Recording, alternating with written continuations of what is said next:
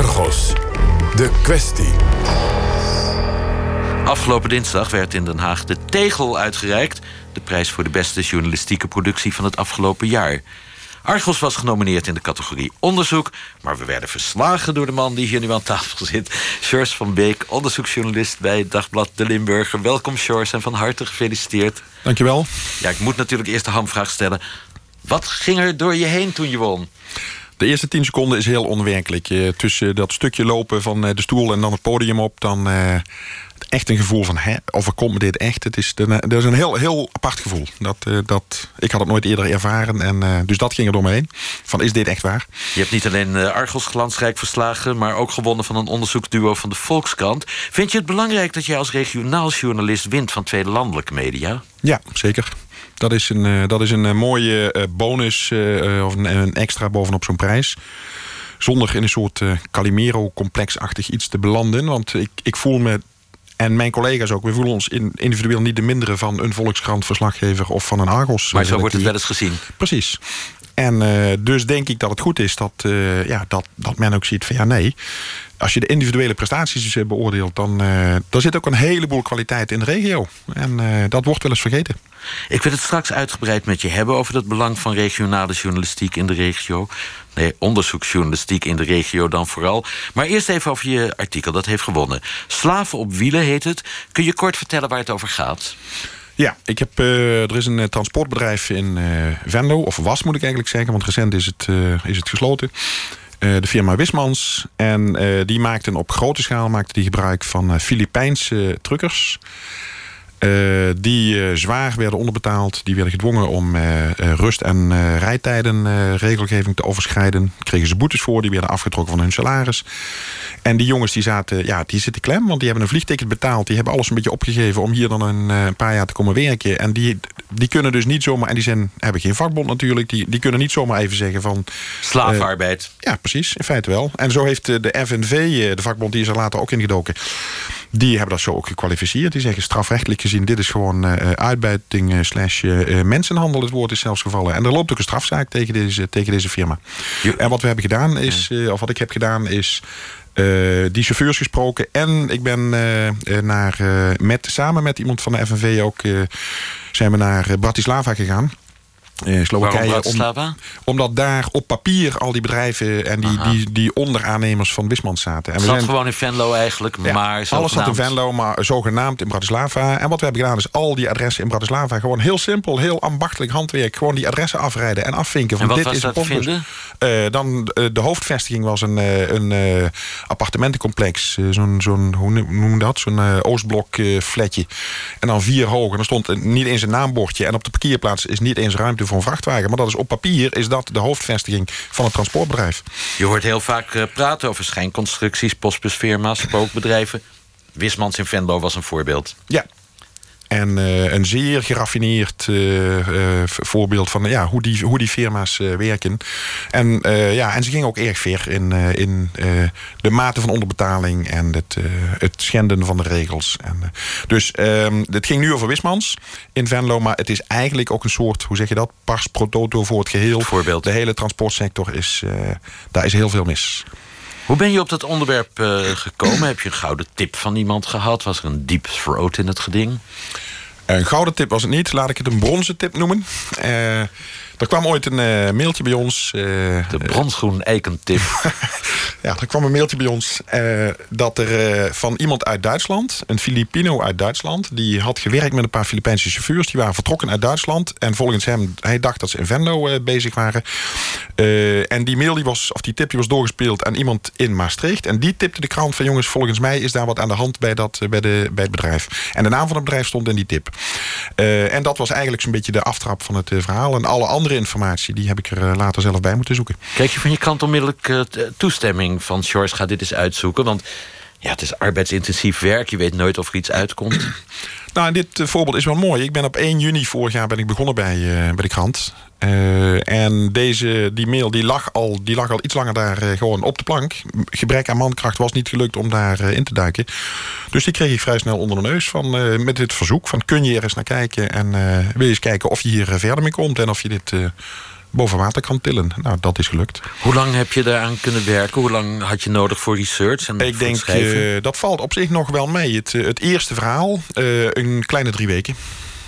Hoe uh, heb je die Filipijnse chauffeurs aan het praten gekregen? Ja. Want die namen wel een risico. Ja, nou en dat is uh, ik hoop dat het niet op schepperig klinkt. Maar dat, dat onderdeel, daar ben ik trots op. Want dat is dus inderdaad een kwestie van gewoon lang zitten en vertrouwen winnen. En inderdaad uiteindelijk dan uh, ja, die, die mannen toegezegd dat ze anoniem uh, gaan blijven. Maar die moeten je wel uiteindelijk gaan vertrouwen. Dat is gelukt. Ja, hoe heb ik dat gedaan? Uh, weet ik niet. Ik, het is me gelukt om hun vertrouwen te winnen. En toen ik er eenmaal eentje aan het praten had en zijn contracten had mogen bekijken. En zijn, zijn bankrekening en noem het allemaal maar op. Dus ook hoe, hoe de paper trail in elkaar zat. Ja, hij hielp toen vervolgens om dan de volgende weer te vinden. En toen werd het een olievlekje. En uiteindelijk heb ik er even op mijn hoofd een, een kleine 10, 12 chauffeurs gewoon uitvoerig gesproken. Je zei dat uh, transportbedrijf Wismans bestaat niet meer. Komt dat door jou? Dat denk ik wel. Ja, of dat is eigenlijk wel zeker. Wismans heeft uh, de zaak opgedoekt. En volgens, hij heeft tegen zijn contacten... Uh, Wismans heeft mij nooit willen spreken. Ik heb nooit, één keer heb ik hem op de parkeertrein gezien, vertel ik het zo nog wel. Maar de, uh, volgens zijn contacten heeft hij tegen iedereen geroepen... dat zijn bedrijf kapot geschreven is. Dus hij heeft het opgedoekt. En er zijn signalen dat hij zich elders in een buitenland... opnieuw wil gaan vestigen. En dat moet ik, daar ben ik nog mee bezig om dat uit te zoeken. Een Slowakije, een Roemenië. Bijvoorbeeld, ja. We spraken afgelopen week met Björn Hij is jouw uh, adjunct hoofdredacteur bij de Limburger.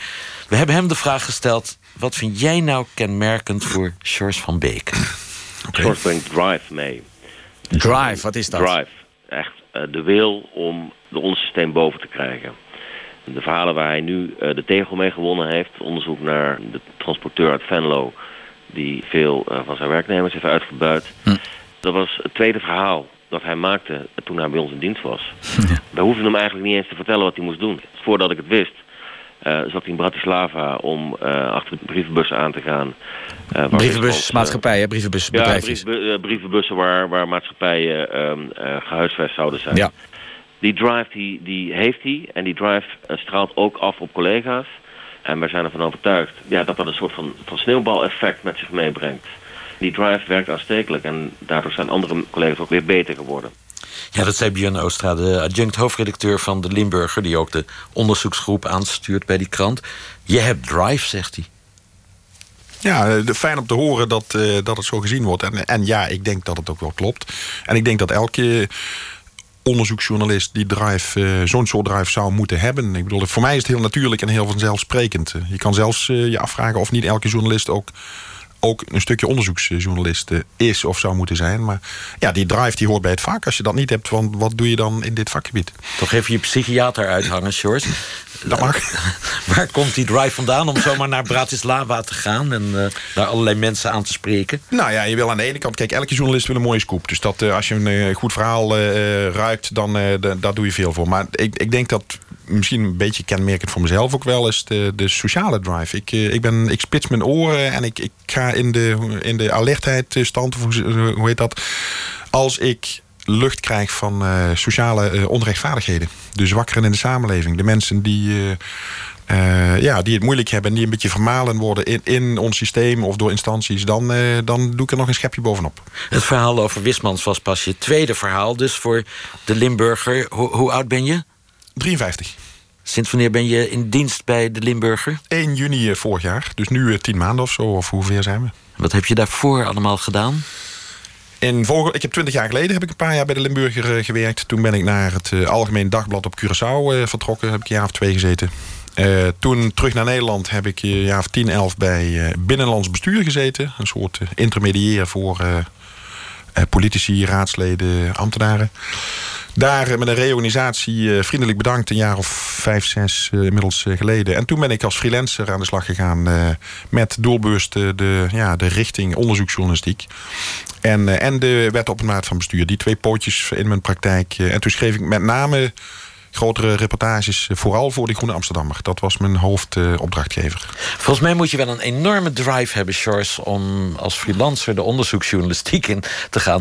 We hadden het er al even over. Het, het duurt lang, het is arbeidsintensief... de uitkomst is altijd ongewis. Hoe verdiende je je brood daarmee als freelancer? Ja, dat ging net. Uh, dat, dat, is een, dat is een hele kluif. Het is, het is bijna niet te doen. Uh, ja, en ik, uh, het kwam er dus wel op neer dat ik echt 60, 70 uur per week zat te werken. Gewoon echt, echt letterlijk. Ik bedoel, ik overdrijf het niet. Ja, en nu ben ik... Hoe laat stond je op? zes uur. Hoe laat ging je aan het werk? Half acht. Tot hoe laat bleef je aan het werk? tot etenstijd half zeven ongeveer, denk ik. Dan even een korte pauze. En heel vaak van negen tot elf weer door. Had je wel goed? Niet altijd. Dankjewel. Sliep je wel? Ja, dat wel. Maar ik heb, ik heb, slaapproblemen heb ik nooit. Maar uh, nee, het was inderdaad gewoon. En ik werkte thuis. Ja, ik stond op, ik douchte, ik kroop achter mijn laptop met een kop koffie. En uh, veel meer dan dat was er ook niet meer. Uh, een sociaal leven in die tijd. Ik wil het ook wel niet overdramatiseren. Maar ik was echt doorlopend aan het werk. En anders kan dat dus ook niet om uh, onderzoeksjournalistiek uh, als freelancer. Dat is, uh, de tarieven zijn, en daar heb ik ook een stuk over geschreven toen in Villa Media. De tarieven zijn gewoon echt, echt veel te laag. Het is, het is niet te doen. En ik heb daar toen ook voor gepleit. Schroef die tarieven op, zodat mensen ook als freelancer, en dat worden er steeds meer, dat ze onderzoeksjournalistiek kunnen blijven doen. Want er zijn kranten die maar iets van 13 cent per woord betalen. En als je dan weken research moet doen, drie weken zoals jij in Bratislava en Venlo. Dat, dat kan dus eigenlijk niet, hè? Dat kan eigenlijk niet, nee. Is dat een van de redenen waarom je dacht... ik neem weer een vaste baan bij de Limburger? Ja, dat was uh, tweeledig. Uh, de, dit, de, de, zeg maar de, de, deze moeilijkheidsgraad van het freelancen... maar ook de aantrekkingskracht van die prachtige baan bij de Limburger. Want uh, die plek die kwam vrij. De, de onderzoeksredactie die werd uitgebreid. Er was ruimte om nog een extra mannetje of vrouwtje aan te nemen. En ja, die baan, dat, ik zei het net al voor de uitzending tegen jou... en ik meen het echt, ik heb de mooiste baan van Nederland. De Limburger is een van de regionale bladen die veel aan onderzoeksjournalistiek doet. Laatst hebben we in uh, Argos nog uitgebreid aandacht besteed aan het boek Sultan van collega's van jou over radicalisering van moslimjongeren in een wijk van Maastricht. We vroegen adjunct hoofdredacteur Oostra, we hoorden hem daarnet al even, waarom die vindt dat media juist in deze toch moeten blijven investeren in onderzoeksjournalistiek. Dit zei hij daarover. Investeren in onderzoeksjournalistiek en in uh, diepgravende kwaliteitsjournalistiek is juist nu nodig omdat wij alleen op deze manier ons hoofd boven water kunnen houden. Wij moeten onderscheidend zijn, wij moeten ons laten zien, uh, wij moeten onze maatschappelijke verantwoordelijkheid nemen, omdat wij anders gewoon met abonneedalingen te maken blijven houden. De afgelopen 15 jaar is de gedrukte betaalde oplage in Nederland met 1,7 miljoen exemplaren gedaald. In het jaar 2000 werden er nog 4,2 miljoen kranten verkocht. En in 2015 was dat nog iets minder dan 2,5 miljoen. Dat is een daling van 42 procent. Wij zijn ervan overtuigd dat alleen met kwaliteitsjournalistiek, met onderzoeksjournalistiek, dat wij het verschil kunnen maken. Uh, zeker in, in, tijden dat Facebook opkomt, dat uh, mensen alternatieven hebben via sociale media moeten wij het verschil maken. Dat kan in onze ogen alleen met, eh, met kwaliteitsjournalistiek en met, met onderzoek. Maar waarom zou onderzoeksjournalistiek dan aanslaan? Het is toch juist de tijd waarin mensen snelle berichten willen op Facebook, Twitter. Die willen helemaal geen lange verhalen lezen, lijkt mij. Nou, het is onze absolute overtuiging dat dat, uh, dat, dat niet zo is. Hm. Um, het gratis nieuws is overal beschikbaar. Wij uh, proberen nieuws te brengen, verhalen te brengen, duiding uh, te verzorgen. Um, er zijn uh, regionale kranten die nauwelijks nog verslaggevers naar gemeenteraadsvergaderingen sturen. Ja. Die echt geen idee meer hebben wat er uh, in zo'n gemeente gebeurt. En dan zeg ik niet dat wij bij alle gemeenteraadsvergaderingen zijn, maar wij proberen wel zoveel als mogelijk uh, een vinger aan de pols te houden. Ja. Een mooi voorbeeld daarvan is de, hele, de hele zaak Jos van Rij, die Roermondse wethouder. Ja. onze verslaggevers zijn daar opgestuurd omdat wij wel nog naar de gemeenteraadsvergaderingen gaan en wel nog weten wat er in zo'n samenleving, in dit geval in Roermond, speelt. Ook ruim twee, drie jaar onderzoek gedaan. Uh, en uiteindelijk is de man uh, gewoon veroordeeld voor corruptie en speelt het hoger beroep nu. Dat komt alleen maar omdat wij daar naar zijn gaan kijken. Anders ja. uh, was dat nooit boven tafel gekomen. Dat, ben ik echt van overtuigd. Hoe merkt de Limburger dat het aanslaat? Onderzoeksjournalistiek? Ja, dat is natuurlijk heel moeilijk. Wij zijn redelijk tevreden met ons abonneeverloop. Het afgelopen jaar hebben wij net iets minder dan 3% abonnees verloren. En dat klinkt idioot als ik zeg dat wij daar tevreden over zijn. Ja. Maar afgezet tegen andere kranten is dat vrij goed.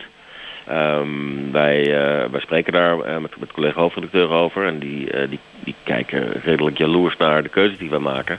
Ah. ja, het enige wat ik dan zeg, maak die keuze ook. Probeer het, doe het gewoon. Ja. Um, ja.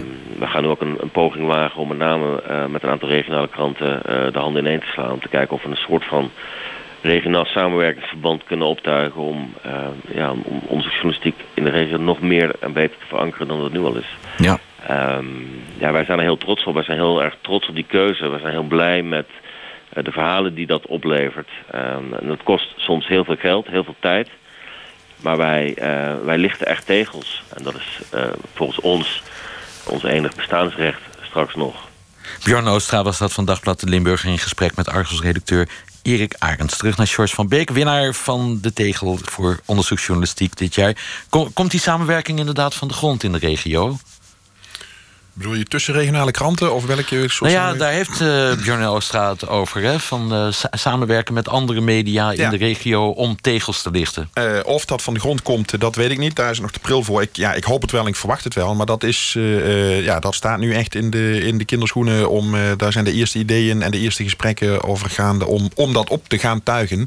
Ik ben er wel heel optimistisch over. Ik, los van dit verband, ik zeg al jaren, ik geloof heilig in, in samenwerking tussen, tussen media tussen uh, redacteuren. Uh, de combinatie, dat heb ik in mijn freelance tijd ook gedaan. Tussen krant en radio. Dan maak je, je doet maar één keer research, maar je hebt twee producten.